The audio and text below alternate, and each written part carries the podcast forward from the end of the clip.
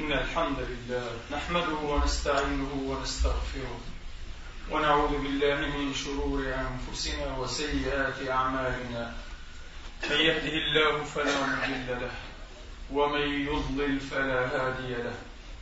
وأشهد أن لا إله إلا الله وحده لا شريك له. وأشهد أن سيدنا ونبينا وحبيبنا محمدا عبد الله ورسوله. وصفوته من خلقه وأمينه على وحيه. صلى الله تعالى عليه وعلى آله الطيبين الطاهرين وصحابته المباركين الميامين. واتباعهم بإحسان إلى يوم الدين وسلم تسليما كثيرا. عباد الله أوصيكم ونفسي الخاطئة بتقوى الله العظيم ولزوم طاعته. كما أحذركم وأحذر نفسي من عصيانه ومخالفة أمره. لقوله سبحانه من قائل من عمل صالحا فلنفسه ومن أساء فعليها وما ربك بظلام للعبيد. ثم أما بعد أيها الإخوة المسلمون الأفاضل أيتها الأخوات المسلمات الفاضلات يقول المولى الجليل سبحانه وتعالى في محكم التنزيل بعد أن أعوذ بالله من الشيطان الرجيم. بسم الله الرحمن الرحيم. فلا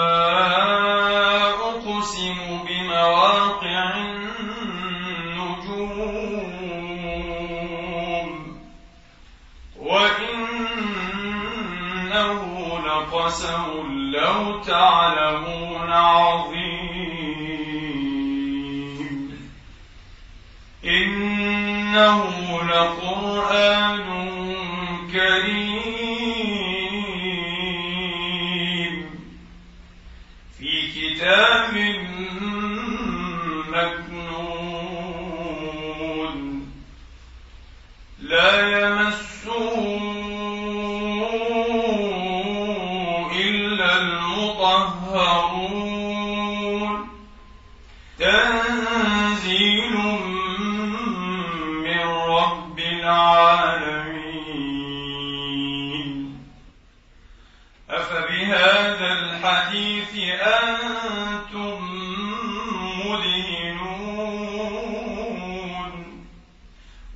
وتجعلون رزقكم أنكم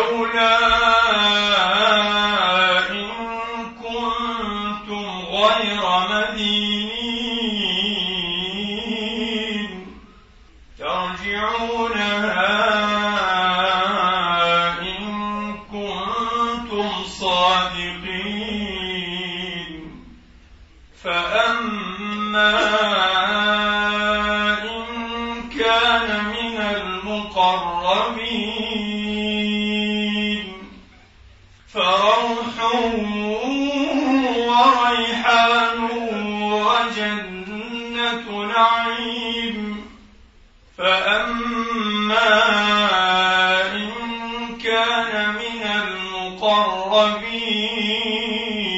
المقربين فروح وريحان وجنة نعيم وأما إن كان من أصحاب اليمين فسلام لك من أصحاب اليمين. وأما إن كان من المكذبين الضالين. فنزل من حميم. وتصلية جحيم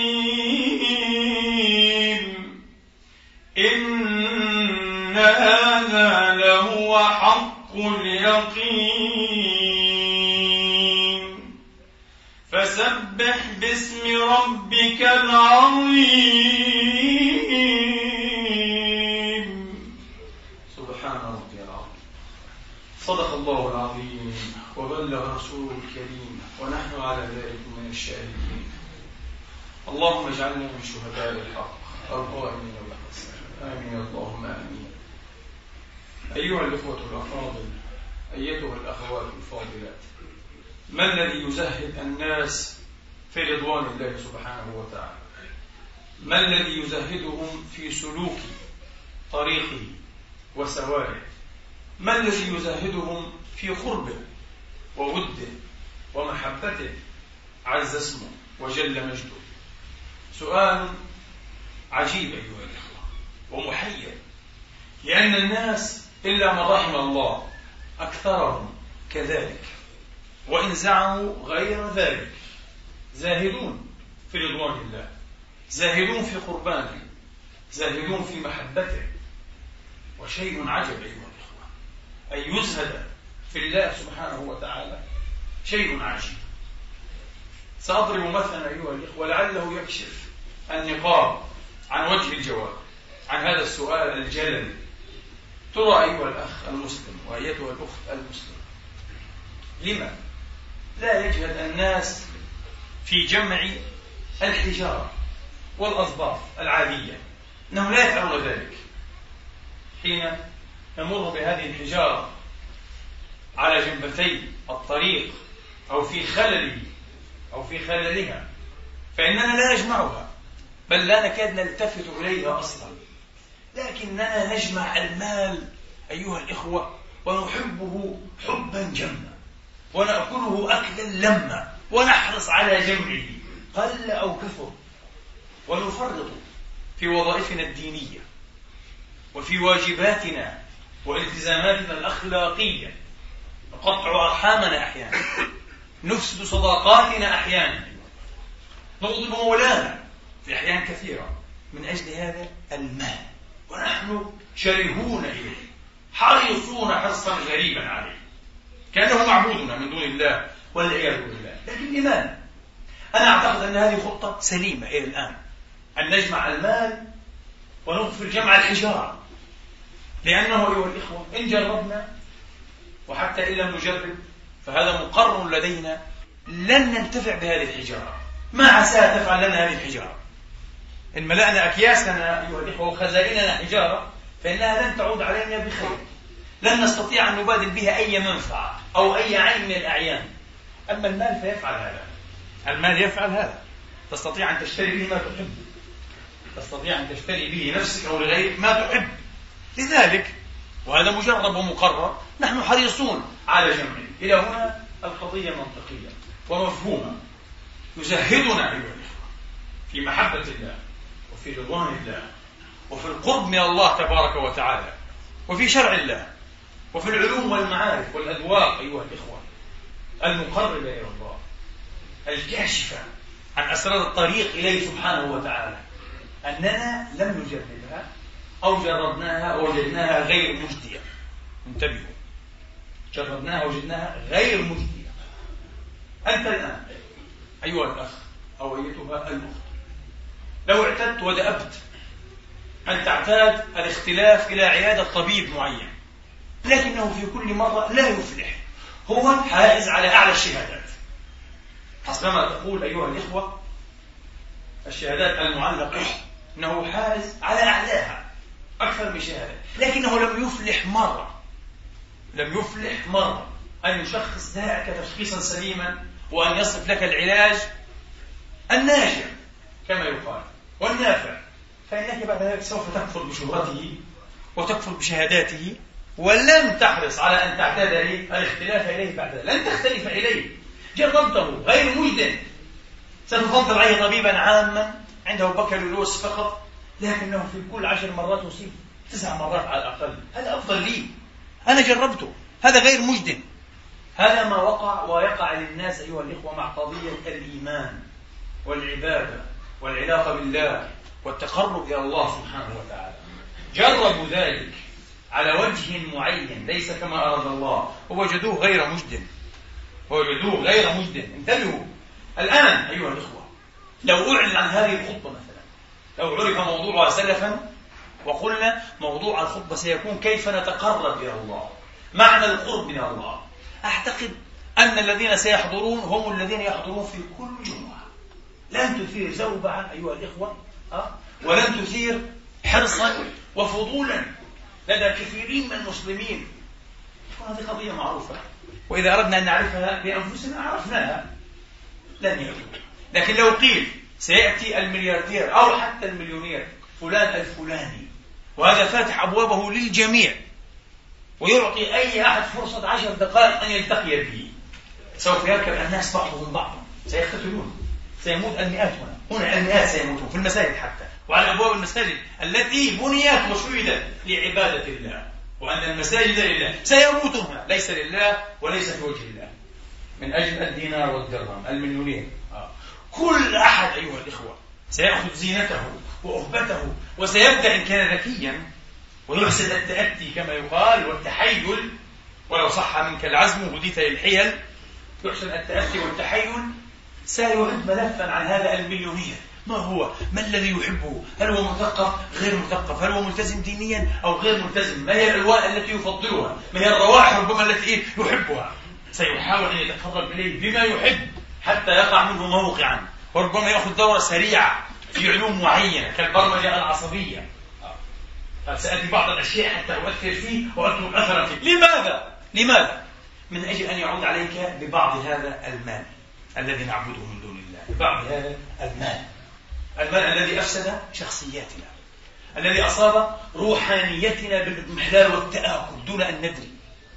المال هو سبب العجب سبب الغرور سبب الفيحقة والانتفاخ والكبر سبب الكز والشحاحة والحرص سبب التقصير في حقوق الله كما قلت وفي حقوق الأهل والأرحام والأصدقاء والأقربين. المال المال المال.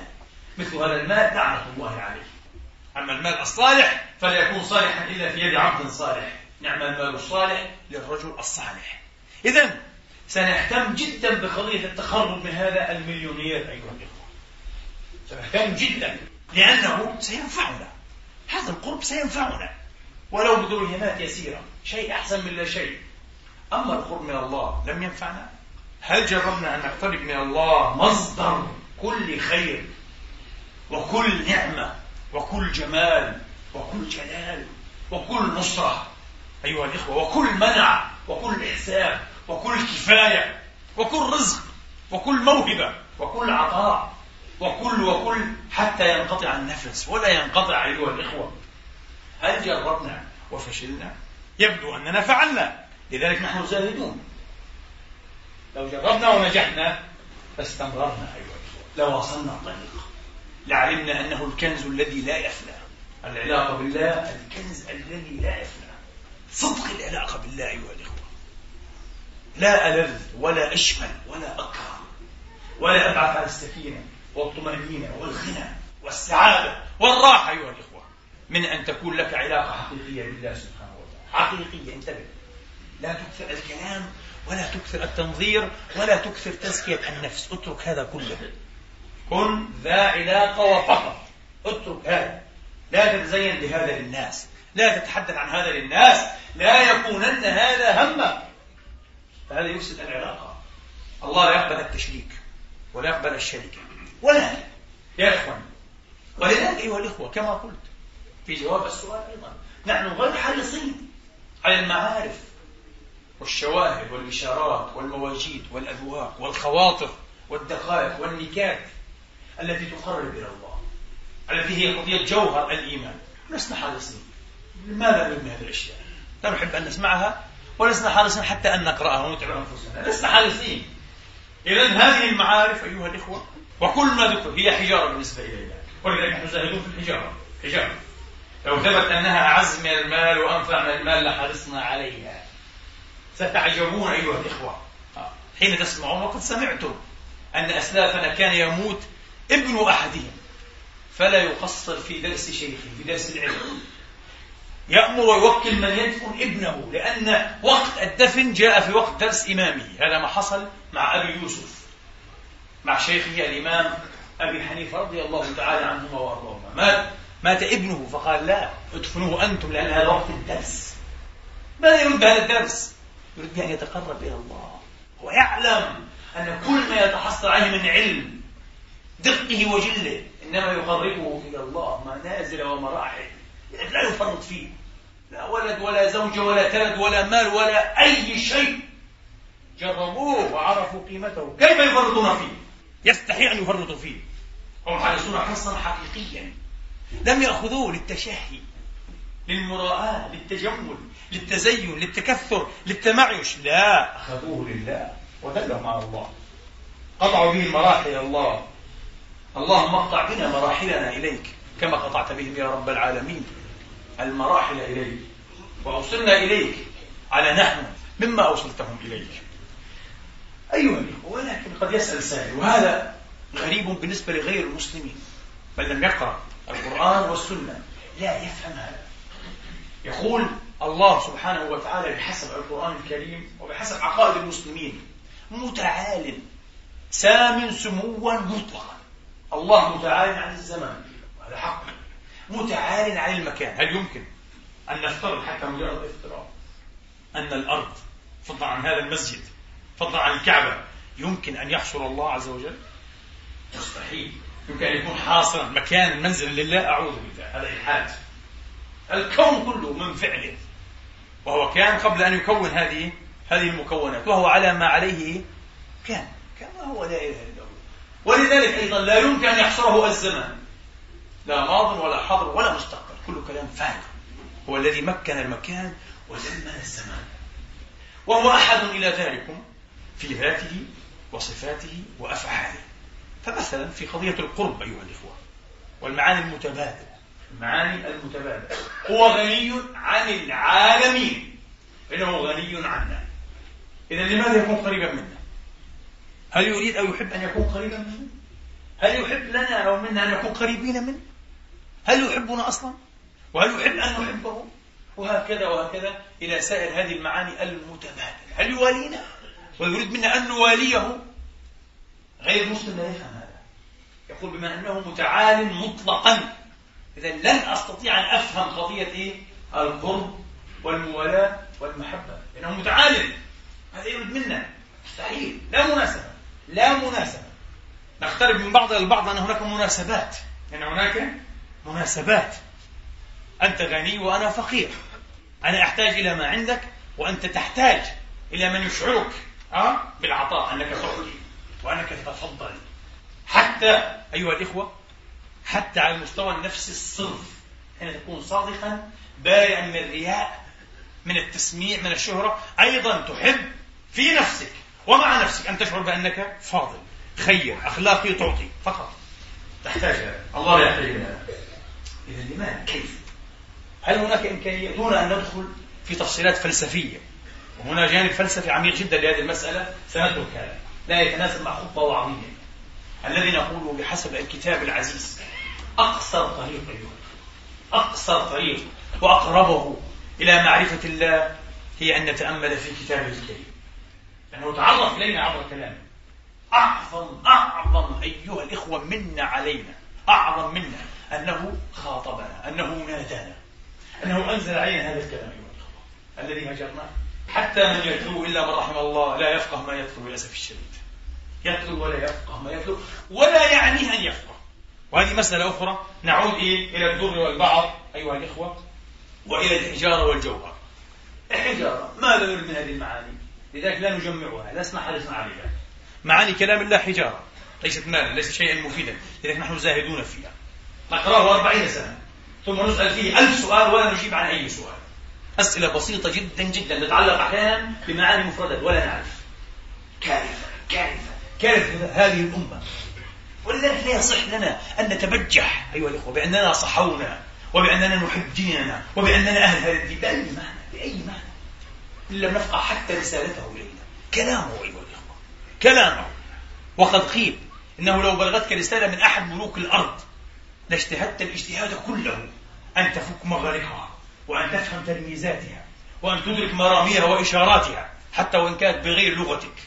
لتكون باللاتينية بالفرنسية بالإنجليزية بأي لغة لأنها من ملك. فكيف برسالة ملك الملوك؟ لا إله إلا هو لماذا لست حريصا على فهمها؟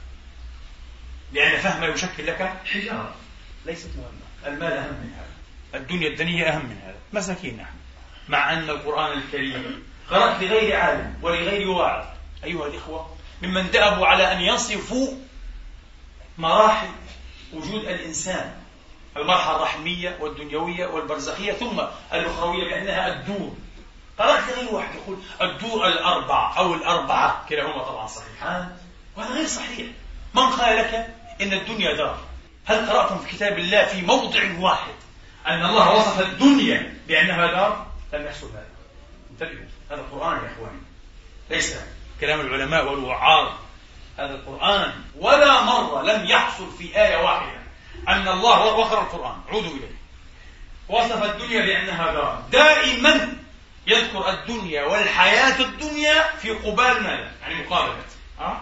في قبال الدار الآخرة الدار الآخرة تلكم دار هذه ليست دار سيقول يوم القيامة هل أنبأتكم أنها دار حتى أحببتم أن تستقروا فيها؟ يا رب نحن يعني استمتعنا في الدنيا واستفرغنا الوسع كله لكي نبقى سيقول لنا هل كذبت عليكم؟ هل خدعتكم؟ هل, هل وصفتها مرة في كتابي بأنها دار؟ أم وصفتها بأنها مجرد حياة دنيا ودنيا هي فعلة من الدون يعني حياة حقيرة هذا معنى الحياة الدنيا الحياة الحقيرة. الحياة الواطئة الحياة السافلة الصغيرة. دنيا فعلة من الدون.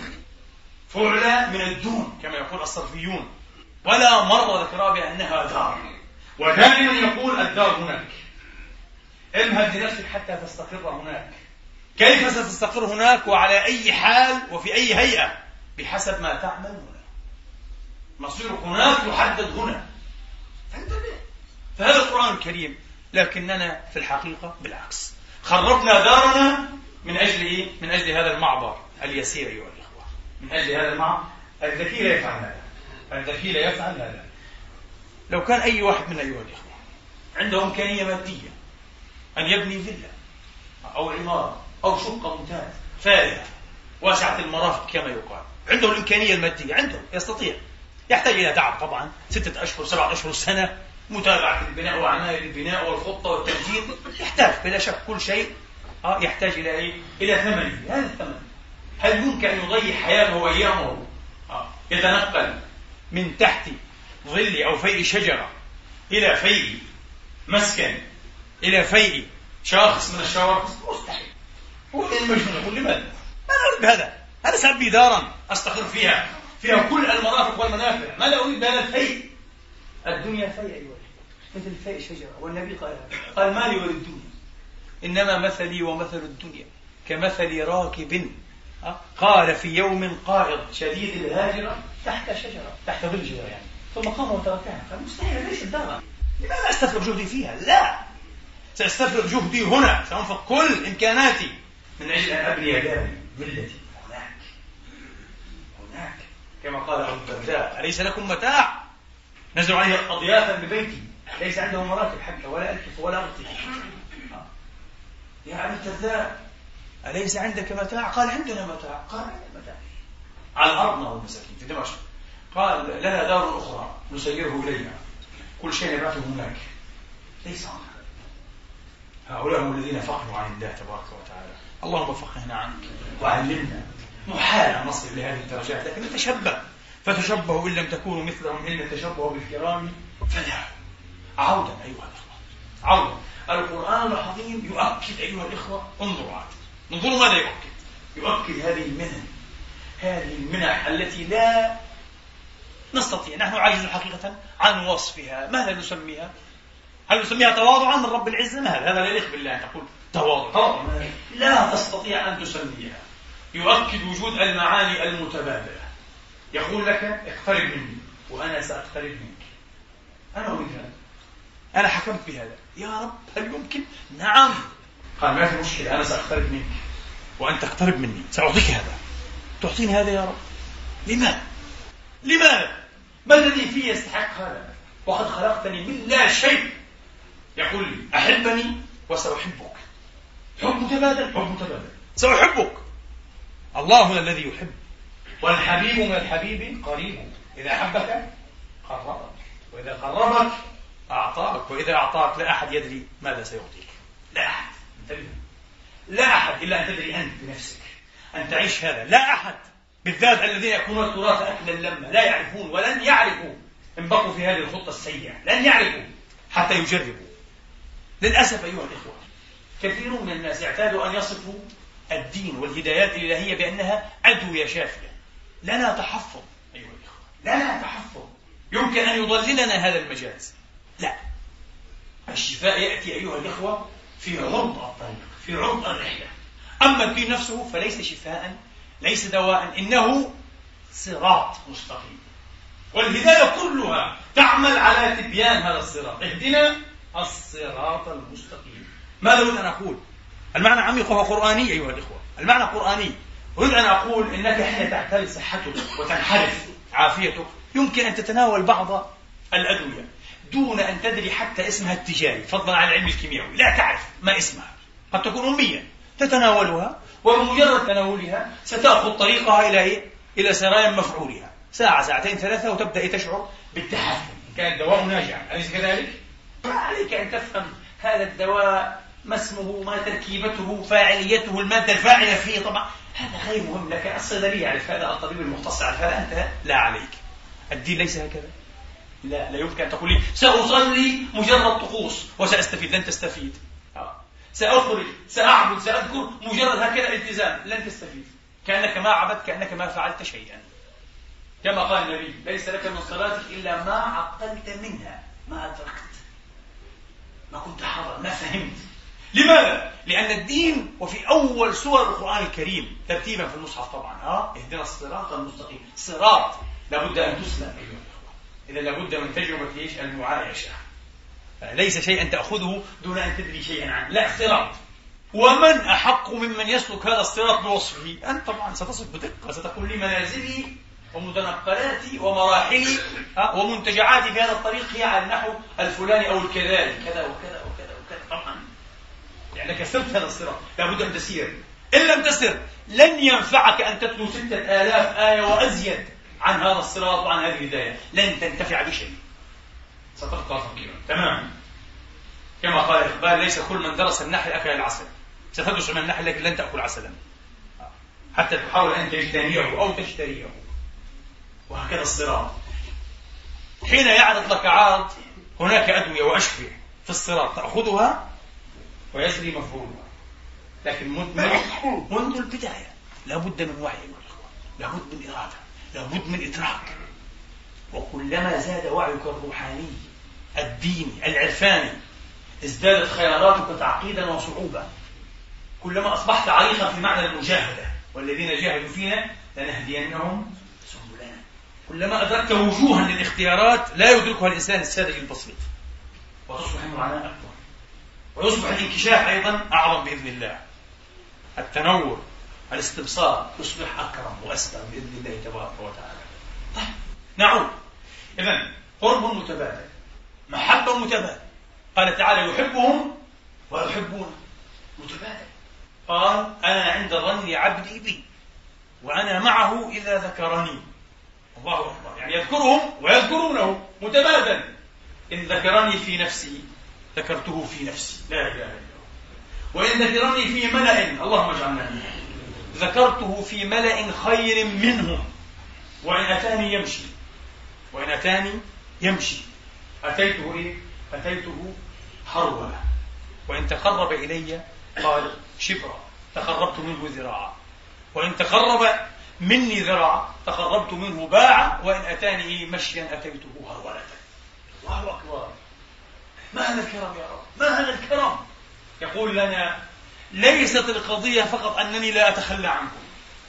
قضية أنه لا يتخلى عنا تصدع القلوب أيها الأخوة. لا يتخلى عنا لا إله إلا الله. مع أن كثيرين منا من البشر أعني لا أعني المسلمين البشر بشكل عام بني آدم جديرون أن يتخلى عنهم لجحودهم لنكدهم لكفرهم لمشاكساتهم لركوبهم والعياذ بالله. مراكب الشرك والجحود والوثنية والعناد والكبر والغطرسة والكفر. لكن الله لا يتخلى عن عباده لا يتخلى لا يتخلى حتى آخر لحظة. معنى أنه يقبل التوبة في آخر ساعة من حياتك أنه لا يتخلى عنك. لا يمكن أن يتخلى عنك. مهلك يا رب يا رب؟ فكروا في هذه المعاني بعمق أيها الإخوة. وفكر أنه فعلا لم يتخلى عنك يوما. وكلما عدت إليه وجدته أمامك بالقبول لا إله إلا هو. يتقبل. يأسو جراحك. يعطيك إشارات أنه تقبلك.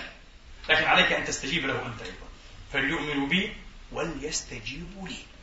لعلهم يرشدون. لأننا نحن المفتاقون المحتاجون إليه. ليس هو لا إله إلا هو. نصرة متبادلة قال إن تنصروا الله ينصركم ويثبت أقدامكم.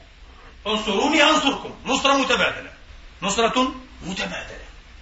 حنين متبادل. في حديث داوود. قال أذكرهم ويذكروني. وأشتاق إليهم ويشتاقون إلي الله. الله أكبر. شيء عجيب جدا. شيء غريب وعجيب. أن يمن علينا بهذه المنن.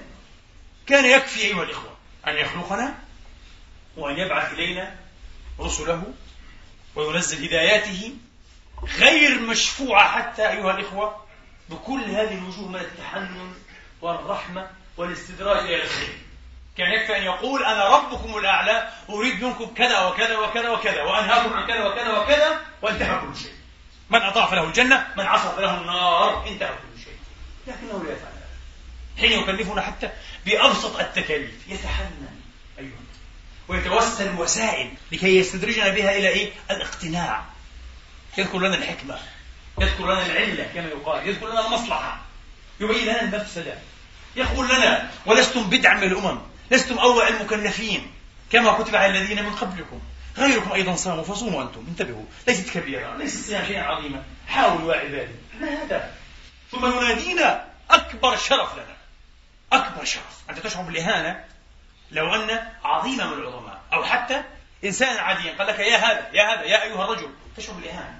لكن لو ناداك باسمك خاصة إذا كان عظيما تشعر بالفخار. يقول لك يا محمد ابن سعيد. لا تشعر باسمي شيء عظيم جدا.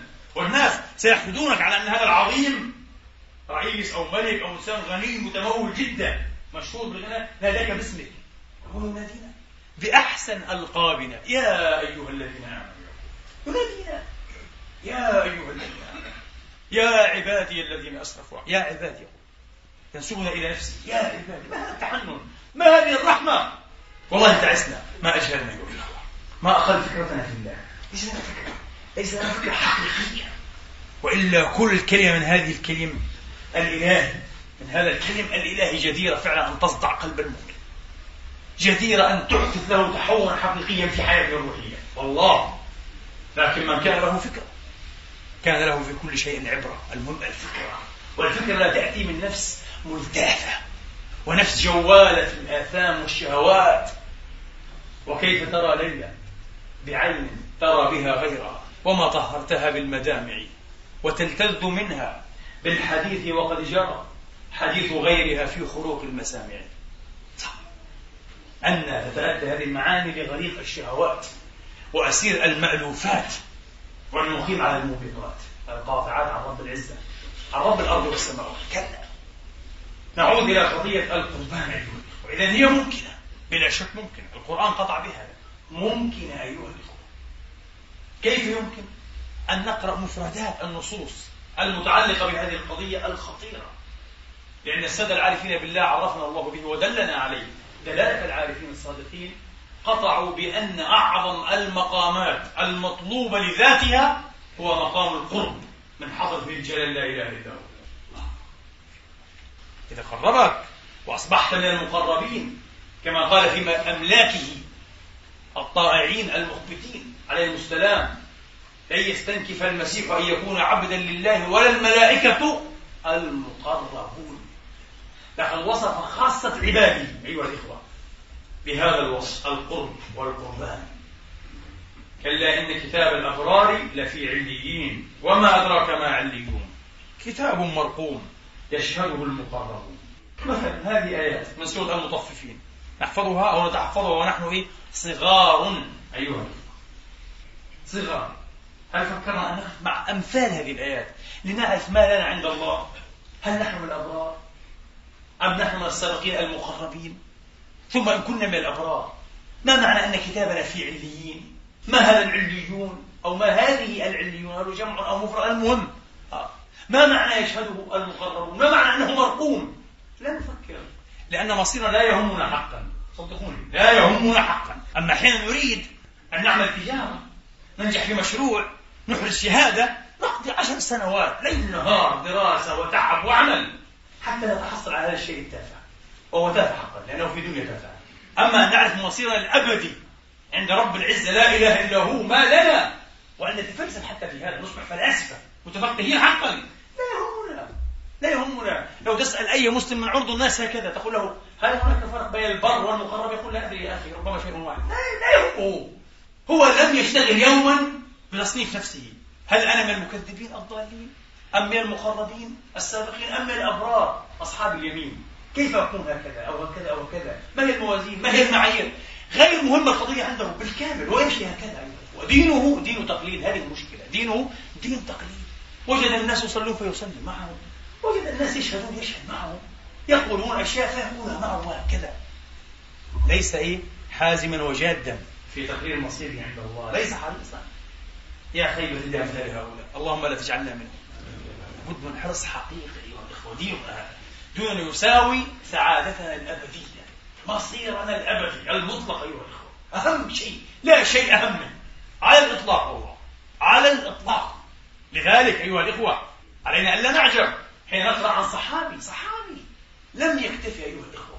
لأنه حصل شطرا أو شيئا من علم رسول الله. لعله لم يؤمن في أول ساعة. حتى وإن آمن في أول ساعة لعله لم يشهد المشاهد كلها. لم يجلس في مجالس رسول الله كلها. يسافر من المدينة المنورة إلى مصر أيها الإخوة. انظروا على بعير يسافر. ليأتي إلى صحابي آخر كان والي مصر في وقتها.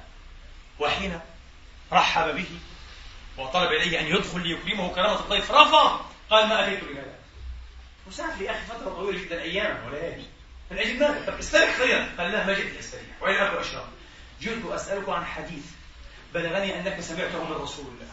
أريد أن أسمعه منك مباشرة. يا أخي ما هذه الأرواح ما هذه النفوس؟ ما هؤلاء الناس؟ كانوا ربانيين. باختصار هؤلاء ربانيون. هؤلاء رجال الله. هؤلاء مسلمون مؤمنون أولياء صادقون مقربون. هذه القضية مش قضية إيه؟ أن تزهد ربما في العلم كله. العلم الشرعي كله غير مهم. لا يختم القرآن ربما إلا في رمضان مرة. ثم لا يفتحه بعد ذلك في أي شهر من أشهر السنة شيء عجيب جدا. لا يصدق يا إخواني. ثم نسأل لما دهانا ما دهانا؟ لما نحن هكذا منحطون؟ والتساءل لما تخلى الله عنا؟ لما لا ينصر؟ من نحن؟ من نحن؟ ماذا فعلنا أصلا؟ لماذا تحققنا نحن؟ مساكين نحن. نضحك على أنفسنا. صدقون نكذب على أنفسنا. هل نقال أنفسنا بهؤلاء؟ يسافر أياما وليالي في سبيل أن يشنف آذانه أيها الإخوة أن يتشرف أن يتكرم بسماع حديث بواسطة واحدة. صحابي سمعه من رسول الله يريد أن يسمعه مباشرة هو. قطعا كانت هناك فرصة أيها الإخوة أن يسمعه من صحابي. آخر سمعه من هذا الصحابي. لكن يريده بعلو كما يقول علماء المصطلح. يريده عاليا. ما معنى عاليا؟ يعني رجال إسناده قليلون. برجال إسناد أقل. اسمه العلو في الحديث. شرف ترى. أن يكون بينه وبين الرسول رجل واحد شرف في هذا الحديث. مع أنه كان صحابيا هو أيضا. شرف. حرص يعرفون قيمة العلم قيمة الهداية. أيها الإخوة. هذا لو قلت له أنا سأعطيك عشرة آلاف دينار وأعطيني هذا الحديث أو كأنك لن تسمعه قل له لا لا يمكن. إنها صفقة المغبون. قل له أعطيني عشرة آلاف وأنا أبلغك سماع هذا الحديث مباشرة. يقول لك نعم كل ما عندي وبلغني هذا عن رسول الله. يعرفون قيمة الهدى أيها الإخوة. يعرفون قيمة هذه الأشياء. ليسوا كنحن ليسوا مثلنا. ضائعون نحن تائهون. مساكين والله. والله مساكين. أنا بفكر أقول مساكين. مساكين. لم نتنور حقا. إذا حل النور الإلهي في القلب أيها الإخوة صار الإنسان طريقة في التفكير مختلفة تماما. والله العظيم.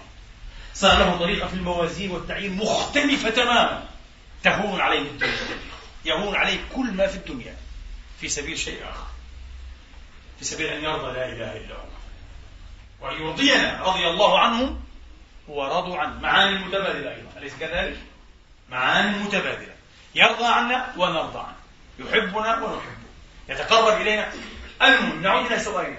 ما هي مفردات بحث هذه القضية في كتاب الله وسنة رسوله؟ كل الآيات والنصوص أيها الإخوة حتى نصبح فعلا فلاسفة متفقهين في هذه القضية. قضية مصيرية خطيرة ومهمة وشريفة ما أشرف من هذا أعظم المقامات مقام القرب من حضرة ذي العزة والجلال لا إله إلا الله اللهم قربنا يا رب. قال وناديناه من جانب الطور الأيمن وقربناه نجيا. قال وجيها في الدنيا والآخرة ومن المقربين.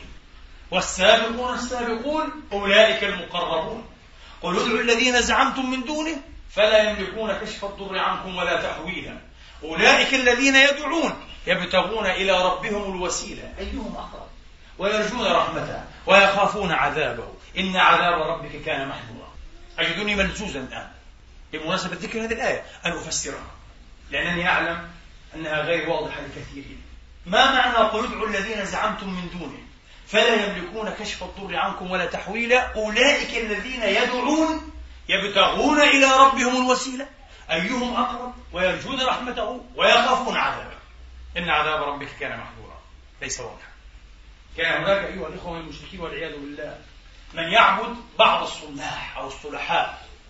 يعبد الملائكة أحيانا. وعبد المسيح ابن مريم عليه السلام كما عبد عزير. وهؤلاء كلهم صالحون. كلهم صالحون. الملائكة والمسيح وعزير. عبدوهم وزعموا أنهم ينفعون ويضرون بدواتهم فالله أكذبهم فيها. قال هذا غير صحيح. ادعوهم الآن ادعوا الملائكة ادعوا جبريل إسرافيل ميكائيل ملك القطب آه. ادعوا. أردتم ومن أردتم. مما يعقل ومما لا يعقل. لكن المقصود هنا بالذات العقلاء في أرجح التفاسير هل سيستجيبون لكم ويكشفون عنكم الضر إذا نزل بكم ضر. لن يفعلوا. ثم قال تبارك وتعالى وهذا الجزء غير واضح في الآية التي ولتها أولئك الذين يدعون. أولئك إشارة. إلى من؟ إلى هؤلاء المعبودين. الذين يدعون. الضمير ضمير يدعون. من هو؟ ضمير من؟ أولئك الذين يدعون. في التفسير الشهير أيها الإخوة أولئك الذين يدعون ضمير يدعون هم الكفر المشركون. الله يقول هؤلاء المعبودون أنتم تدعونهم. ما معنى تدعونهم؟ يعني تسمونهم آلهة. أو تدعونهم تضرعون إليهم. لاستجلاب المنافع ودفع المفاسد والمضار. قال أنتم تدعونهم هكذا. بمعنى الدعاء التسمية أي آلهة أو بمعنى الدعاء الضراعة والابتهال هذا معنى الآية أولئك الذين يدعون. الله يقول هؤلاء المدعوون من دون الله آلهة أو هؤلاء المبتهل إليهم من دون الله في الخير والشر ما قضيتهم قال أولئك الذين يدعون يبتغون إلى ربهم الوسيلة. أيهم أقرب؟ قال هم أنفسهم يتسابقون ويتسارعون في ماذا؟ في الازدلاف إلى الله. في أن يتقربوا من الله. هم أنفسهم عبيد مثلكم. قضيتهم نفس القضية التي كان ينبغي أن تكون قضيتكم أنتم. وهي ماذا؟ المسارعة إلى التقرب من الله تبارك وتعالى. ليس في جمع المال والحطام إنما في أن نتقرب من الله تبارك وتعالى. هي تأتيك ساعتك يا أخي المسلم ويا أختي المسلم تكون ممددا هكذا. هنا الرهان. هل ستكون مرتاحا؟ هل ستكون سعيدا؟ حريصا على لقاء الله؟ فرحا بلقاء الله تبارك وتعالى؟ أم ستندم؟ رب ارجعوني يا رب. جمعت كثيرا من المال والعلم والأشياء ولم أعمل بها. يا رب ارجعني حتى أنفق. يقول لك انتهى. كل شيء اعطيته 40 سنة 50 سنة. لا انتهى الآخر لن يندم. سيفرح. والحمد لله. فعلت ما كان بوسعي أن أفعله. جهدت نفسي حقا. فعلت ما كان صعبا على نفسي. تجاوزت نفسي كما يقال. أو حققت نفسي. في سبيل مرضاة لا إله والذين جاهدوا. المسألة تحتاج إلى جهاد. أنا أقول لك كل ما تفعل وتشعر أنه ليس جهادا أيك فيه قليل قليل. كن في شك منه. بمعنى يعني من عنده مليون ويعطي عشرة ملاليم يعطيها بسهولة لأنها طبعا ثمن إيه؟ ثمن سيجارة. أنا أقول لك أنا في شك من أنك تؤجر في هذا؟ الشيء القليل. ستسأل عن الكثير الذي منحته يا مسكين. انتبه. لا تلتفت إلى القليل الذي أعطيته. لكن عندك مليون تعطي مثلا عشره يحتاج إلى قرار حقيقي إلى خطة مع الله عز وجل إلى متائرة مئة ألف ستعطي عشر ثروتك. ليس كل أحد يفعل هذا. لكنك إن شاء الله ستفعل. وحين تفعل ستشعر براحة عجيبة جدا جدا. وبثبات إيمان تثبيتا من أنفسهم. ولذلك لا يقبل من أصحاب الملايين أن يعطوا الملايين. انتبهوا. لا يقبل منهم هذا. هكذا الجهاد أين الجهاد؟ لابد أن تجاهد. لا يقبل أن تترك نفسك على هواه ومشتهاها وأنت شاب. مندفع الشهوة قوي البنية ترتكب كل المحظورات. حتى إذا هرمت وعلت سنك تقول آه الآن إن شاء الله أعود وأتوب إلى الله. لا أريد شهوات النساء ولا شهوات الفسق. متى يا حبيبي؟ متى؟ على كل حال نحن لا نلبس أحدا. التوبة مقبولة دائما إن شاء الله. والله لا يضيع أجر من أحسن عملا. لكن متى يا رجل؟ كان ينبغي أن تجاهد نفسك. حين كانت الداعية قوية شهوة قوية وتقول لها لا إني أخاف الله. انتهى لن أفعل هذا. هنا الجهاد. هنا سيقربك الله تبارك وتعالى وسيهديك سبيله وسيفتح عين بصيرتك. جاهد حقا لله. أنت لا تعمل هذا. تعمل هذا لله. وفي الحقيقة تعمله طبعا لنفسك في نهاية المطاف لسعادتك أنت. لا تمتن على أحد لا تقول لأحد أنني فعلت وعملت. هذا ليس لهم لك أنت. أنت المستفيد. ولذلك انتبهوا السلف الصالح كانوا بصدق كامل يشعرون بالمنة تجاه من أيها الإخوة تجاه من يأخذ صدقاتهم تعرفون لماذا؟ لأن الله امتن علينا أنه يقبل منا صدقاتنا هل فكرتم مرة في هذه الآية؟ هل فكرتم أن الله يمتن علينا في قبول صدقاتنا؟ يقول لك أعطي أعطي ما تريد أعطي عشر ثروتك نصف ثروتك وأنا سأمتن عليك وسأقبل هذا إذا كانت من حلال والحلال سأقبل هذا يا عبدي. رحمة مني. تقول لي كيف؟ طبعا رحمة. ومنا فكروا في هذا. من أعظم نعم الله أنه يقبل هذا. ويقبله عن طريق عباده المحتاجين. لذلك هم واسطة. الله يفعل من خلالها. الله يرحمنا ويقبلنا ويسعدنا ويعلينا من خلال هؤلاء. لذلك نرى المنة لهم أيضا علينا. ونرى أنهم الأعلى. حقيقة. وإن كنا الأعلى هي ظاهرا. نعطيهم ويأخذون. تعرفون كيف؟ سأوضح هذا أيها الإخوة. يسعد كل أب. هذا يسعدون شخصيا؟ وأعتقد يسعد كل أب وكل أم. ورزق الله من ليس عنده ولد. اللهم آمين. يسعد كل أب وكل أم أن يستوهبه ابنه أو ابنته مبلغا من المال. ثم يذهب أيها الإخوة يشتري به شيئا ويجتزع بشيء من هذا المشترى هدية لأبيه أو لأمه. يقول بابا هذا هدية لك. يسعدك أن تأخذ هذا وتفرح به جدا مع أنه أعطاك ما هو لك. ومع أنك لست محتنيا هذه الهدية ب 10 يورو ولا ب 20 يورو؟ لست محتنيا أعطيته أعطيته 100 يورو. إذا كان مراهق ربما 500 يورو 1000 يورو. لا تحتاج الهدية إيه؟ ب 10 يورو ولا حتى بيورو. أحيانا بأقل من هذا. يأتيك طفل صغير من أربع سنوات. بابا هدية لك. تأخذها تقبله في جبينه فوجتيه وتفرح جدا. ما الذي أغراك؟ ما الذي يفرحك بهذا؟ مع أنه أعطاك ماذا؟ ما هو لك؟ هذا لي أصلا من مالي. أنا أعطيته الآن الساعة وذهب واشترى لي. الفكرة الكامنة وراء هذا. ما هي الفكرة؟ من يقول لي ما هي الفكرة؟ الكامنة وراء هذا؟ التحبب والتقرب يحب أن يتحبب إليك وفعلا تجده محببا. يحب أن يتقرب إليك وفعلا تجده قد تقرب. تحبه أنت أكثر وتقربه أكثر. لا إله إلا الله. لله المثل الأعلى. رب العزة في السماوات هكذا أيها الإخوة. بما يليق بجلاله ليس على النحو الذي فهمه حاصل بن عازوراء. حين قال للصديق يا أبا بكر والله ما نحن بحاجة إلى ربك وما نحن بفقراء إليه وإنما هو فقير إلينا. هو يستقرضنا كما زعم صاحبكم فإن كان غنيا فلما يستقرضنا؟ أي شاهت الوجوه.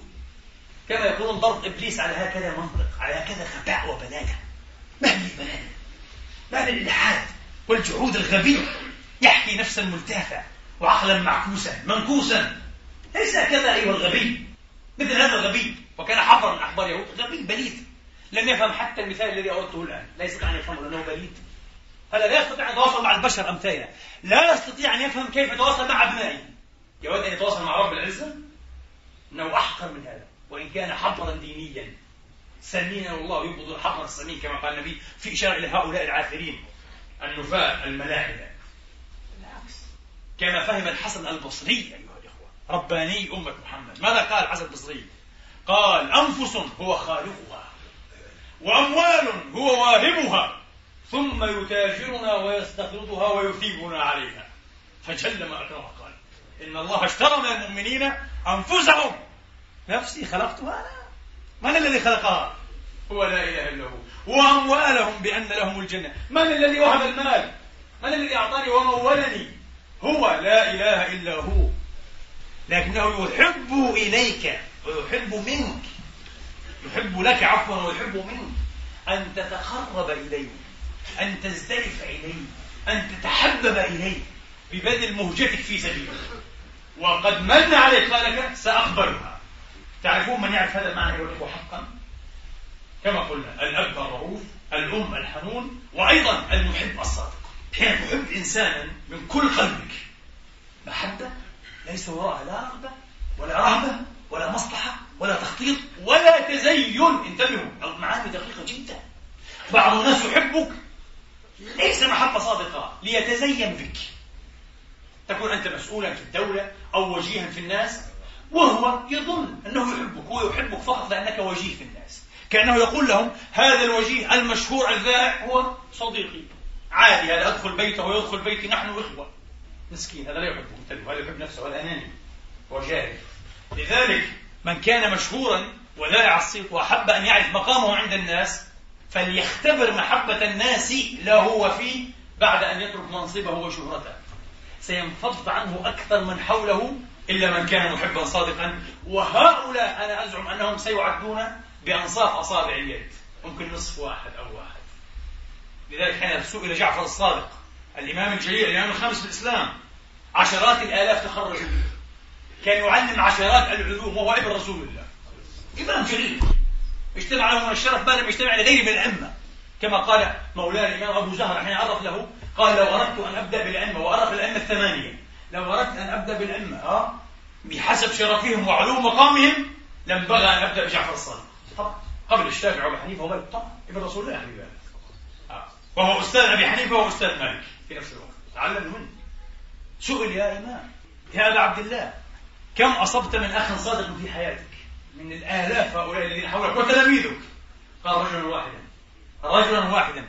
أنا أزعم أن بعض الناس لو صدق نفسه سيقول لم أصب أحد. لكن لمن كان يفهم معنى المحبة الصادقة ومعنى الأخوة الحقيقية. معنى العلاقة التي فعلا لله التي تحلنا يوم القيامة مقاما يغضبنا عليه الأنبياء والشهداء. اللهم اجعلنا بذلكم المقام ومن أولئكم المقامين في ذلكم المقام. صعب جدا. لذلك أيها الإخوة نعود. المحب الصادق سيفهم هذا. كيف؟ المحب إذا أحب أحدا حبا صادقا. أيها الإخوة حين يعطيه شيئا فعلا يعطيه ويحزنه جدا ألا يقبله. فإن قبله الحبيب شعر بالمنة إله شعر بأنه أنعم عليه. امتن عليه بأنه قبل إيش؟ هديتي. مهما كانت عظيمة وثمينة يشعر بمنة حقيقية أنه قبل. وفعلا لو أنه ردها لكسر خاطرك صحيح؟ ولا يفهمك أنك لست من حبه وقربه بالمكان الذي تحسن ليس مثلك من تقبل هديته. سيعتذر عنها بألف أسلوب وأسلوب. فما بالكم برب العزة وهو يقبل عطايانا يعدنا. أعطوا وأنا سأقبل. يا رب الحمد والمنة سنكون إذا جاهلين وغير عارفين بالله والإخوة إذا أعطينا وشعرنا نحن بالمنة لأنفسنا ولو لحظة من زمان سنكون غير عارفين أيها الإخوة وبعيدين جدا من الله. لو أعطينا مهما أعطينا لو أعطينا ثروتنا كلها وشعرنا أن لنا حق بعد ذلك أن تستجاب دعوتنا سنكون كذبا لم نفهم لم نعرف الله حقا. ليس ليس لنا على الله حق واجب. أبدا أبدا. كل ما فينا وعندنا ولنا هو منه وله لا إله إلا وما بكم من نعمة فمن الله. ثم إذا مسكم الضر فإليه تجعلون. غدا أسلبك نعمتك كلها الله يقول. كما سلب أيوب. أهله وماله كل شيء انتهى. حتى عافيته سلبها جلس هكذا وحده بلا شيء. مات أهله كلهم أزواجه وأبناؤه وبناته. وهلك ماله عن آخره أو من عند آخره كما تقول العرب. لكنه صبر واجتاز الامتحان. فإذا سلبت النعمة ستجعل إلى من؟ إليه وحده لا تنسى هذه الحقائق. لا تنسها ولا تحفظها لكي تحفظها. احفظها لتسير في هداها. لأن الدين هو في نهاية المطاف كما قلنا صراط مستقيم لا بد أن تقطع مراحله. للعيش بالتجربة أيها الأخوة. طيب إذا قلنا آيات القرب. كل ما له علاقة بالقرب والتقريب هو من مفردات القضية. كل ما له علاقة أيها الإخوة بالولاية والموالاة. له علاقة بقضية القرب. لماذا؟ ذلك بأن الله مولى الذين آمنوا. ألا إن أولياء الله لا خوف عليهم ولا هم يحزنون. لكي نفهم هذا لابد أن نشرح ما معنى الولي. أولياء الله جمع ولي. الولي على وزن فعيل صرفا. فعيل.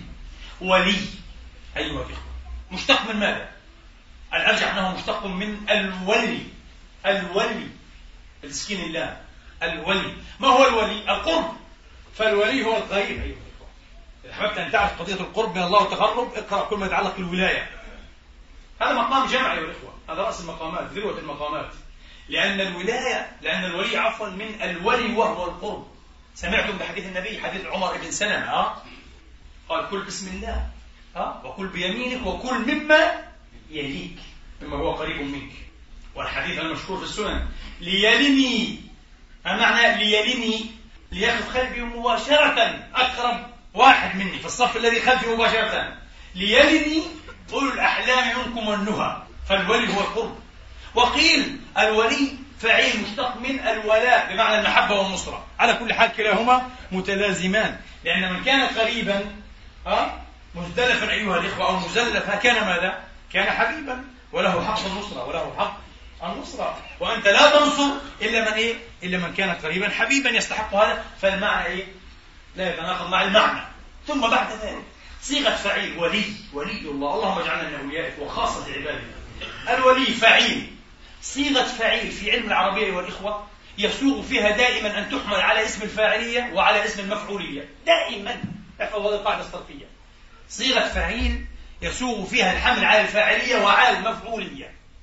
فأيهما مراد في في المقام؟ الآن حين نقول ولي. وهذا ولي الله. ألا إن أولياء الله؟ اسم الفاعلية أو اسم المفعولية. نقول الاثنان. ولا يتناقضان بل يتلازمان. والمعنى الشرح. أن اسم الفاعلية الولي أيوه بمعنى إيه؟ بمعنى المتقرب إلى الله. فاعل هو يفعل القرب. يتقرب إلى الله. فعلا الولي يتقرب إلى الله. إذا حملناه على إيه؟ على المفعولية فالولي هو الذي قربه الله. شيء ليس منه. شيء فعل فيه فيه وفعل له وصنع له. قربه الله فهو مقرب. مفعولية مقرب. فاعلية متقرب. والولي بلا شك مقرب إيه؟ متقرب. فالمعنيان متلازمان. فاقرأوا كل ما يتعلق بالولاية وتعمقوا وتفقهوا فيه أيها الإخوة. وهذا يحتاج إلى طول زمان فهذا يضيء لكم مقام إيه؟ القرب من الله تبارك وتعالى. من عاد لي وليا حديث الولي رأس. ويسمى حديث الأولياء. من عاد لي وليا فقد بارزته بالحرب. وفي رواية آذنته بالحرب وما تقرب إلي عبدي ها. الله مباشرة ربط قضية الولاية بقضية ماذا؟ القرب لأن حقيقة الولاية هي ماذا؟ القرب يقول من عاد لي وليا سيقول أحد يا رب أنا أحب هذا المقام أحب أن أرتقي لأصبح من أوليائك ولتنتصر لي ولأكون في في إحسابك وكفايتك وعزك وكنفك وكلاءتك ورعايتك لكن كيف الطريق إلى ذلك؟ يقول أنا سأقول لك وما تقرب الله أكبر. منطق عجيب يا أخي. وما تقرب إلي عبدي بشيء أحب إلي مما افترضته عليه ولا يزال عبدي يتقرب إلي بالنوافل حتى أحبه. فإن أحببته أصبحت سمعه الذي يسمع به وبصره الذي يبصر به ويده التي يبطش بها الحديث. حديث الولي. أيضا الآيات والأحاديث التي تتحدث عن المعية الخاصة. قال كلا إن معي ربي سيهدين. لا تحزن إن الله معنا. إنني معكما أسمع وأرى وأنا معه إذا ذكرني. اقرأ كل ما يتعلق بالمعية الخاصة. في الكتاب والسنة ستتنور ستنور مزيد تنور إن شاء الله واستبصار بمقام القرب من الله تبارك وتعالى. اقرأ كل ما يتعلق بمواطن الإجابة. متى يجيب الله عبده الصالح طبعا وقد يجيب الكافر إذا كان مظلوما. يتحدث عن الصلحاء فقط. متى يجيب الله صالحي عباده في أي أحوال؟ وفي أي أوقات؟ وفي أي أمكنة؟ وتفقه في هذه الأحوال والأزمان والأمكنة؟ لتتفقه في مقام القرب من الله تبارك وتعالى. لماذا؟ النكتة أيها الإخوة لأنه حين يجيب يكون قريبا من عباده.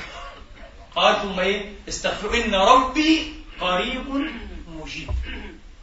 صحيح؟ في سورة هود. إن ربي قريب مجيب. وإن اهتديت في سبب. فبما يوحي إلي ربي إنه سميع قريب. إذا مواطن الإجابة. لكي يسمع دعاءك لابد أن تكون إيه من أهل الدعاء إيه؟ الصالح للسماع. نعوذ بالله من دعوة لا تسمع. وإن كنت ممن يسمع دعاءه فأنت من المقربين بإذن الله تعالى. إن ربي سميع قريب. إن ربي قريب مجيب. لا إله إلا الله. مواطن الإجابة. تفقهوا فيها. لا علاقة. بعض العلماء يظن أن ما يتعلق بالقرب من الله تبارك وتعالى هو ما صرح فيه بلفظ القرب. لا لا ليس هذا فقط. القرآن مملوء أيها الأخوة. مملوء محشو بما يتعلق بهذا المقام الجليل رأس المقامات مقام جامع. في كل هذه الموارد أيها الإخوة وفي كل هذه المصادر الإلهية. في الكتاب والسنة. اقرأوا أيضا ما يتعلق بتنزلات الله. تنزلات طريق بجلاله لا إله إلا هو بالمعنى الذي يعلم ولا نعلم. لا نعلم. أيها الأخوة كيف لذلك فهو يتنزل لا إله إلا هو كل ليلة. إذا ذهب إيه؟ شطر الليل وفي روايات تحديد بغير المهم يتنزل وخاصة في وقت السحر ويقول لا إله إلا هو. هل من سائل فأعطيه؟ هل من داع فألبيه؟ وفي رواية فأجيبه هل من مستغفر فأغفر له؟ من أراد أن يتقرب من الله فليتقرب في هذه الأوقات أيضا. عشية عرفة يدنو لا إله إلا هو من خلائقه. ليس دنو تماس وليس دنو أجسام فليس بجسم وليس دنو أشياء. انتبهوا. الدنو اللائق بجلاله لا إله إلا هو.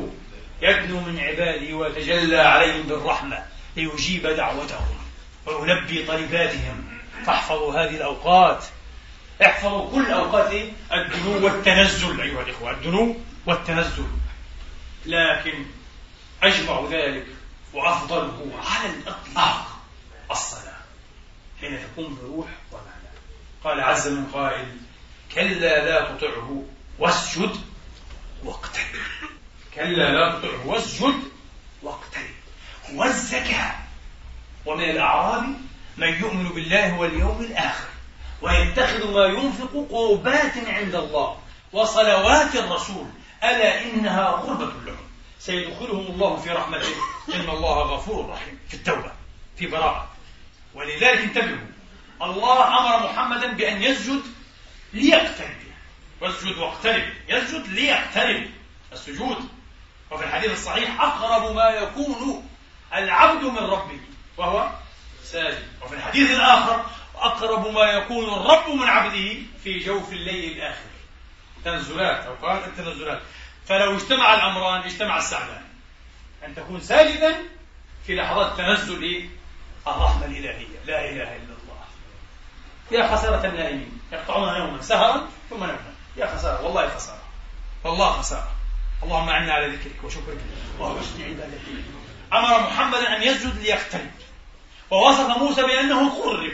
وقربناه نجيا. أما عيسى عليه السلام فالنكتة موصوف أيها الإخوة بأنه من المقربين. مقام ثابت له مقطوع له به. انتهى. لماذا؟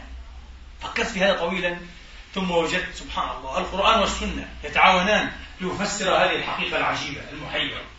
قال وأوصاني بالصلاة والزكاة ما دمت حيا. أعظم أسباب القربان الصلاة وإنفاق المال. قال الحسن البصري لا شيء أصعب وأشق من صلاة الليل ونفقة هذا المال. لذلك قال الله تعالى تتجافى جنوبهم عن المضاجع يدعون ربهم خوفا وطمعا ومما رزقناهم ينفقون. فلا تعلم نفس ما أخفي لهم من قرة أعين. لأنه مقام القرب لأنه لا أحد يعلم حقيقة هذا القرب.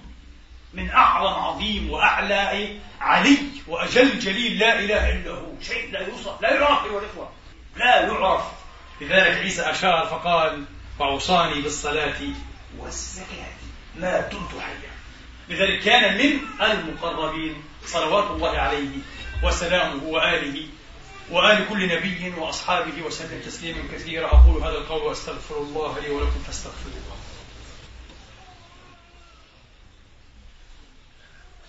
الحمد لله رب العالمين. الحمد لله الذي يقبل التوبة عن عباده ويعفو عن السيئات ويعلم ما تفعلون. ويستجيب الذين آمنوا وعملوا الصالحات ويزيدهم من فضله. والكافرون لهم عذاب شديد.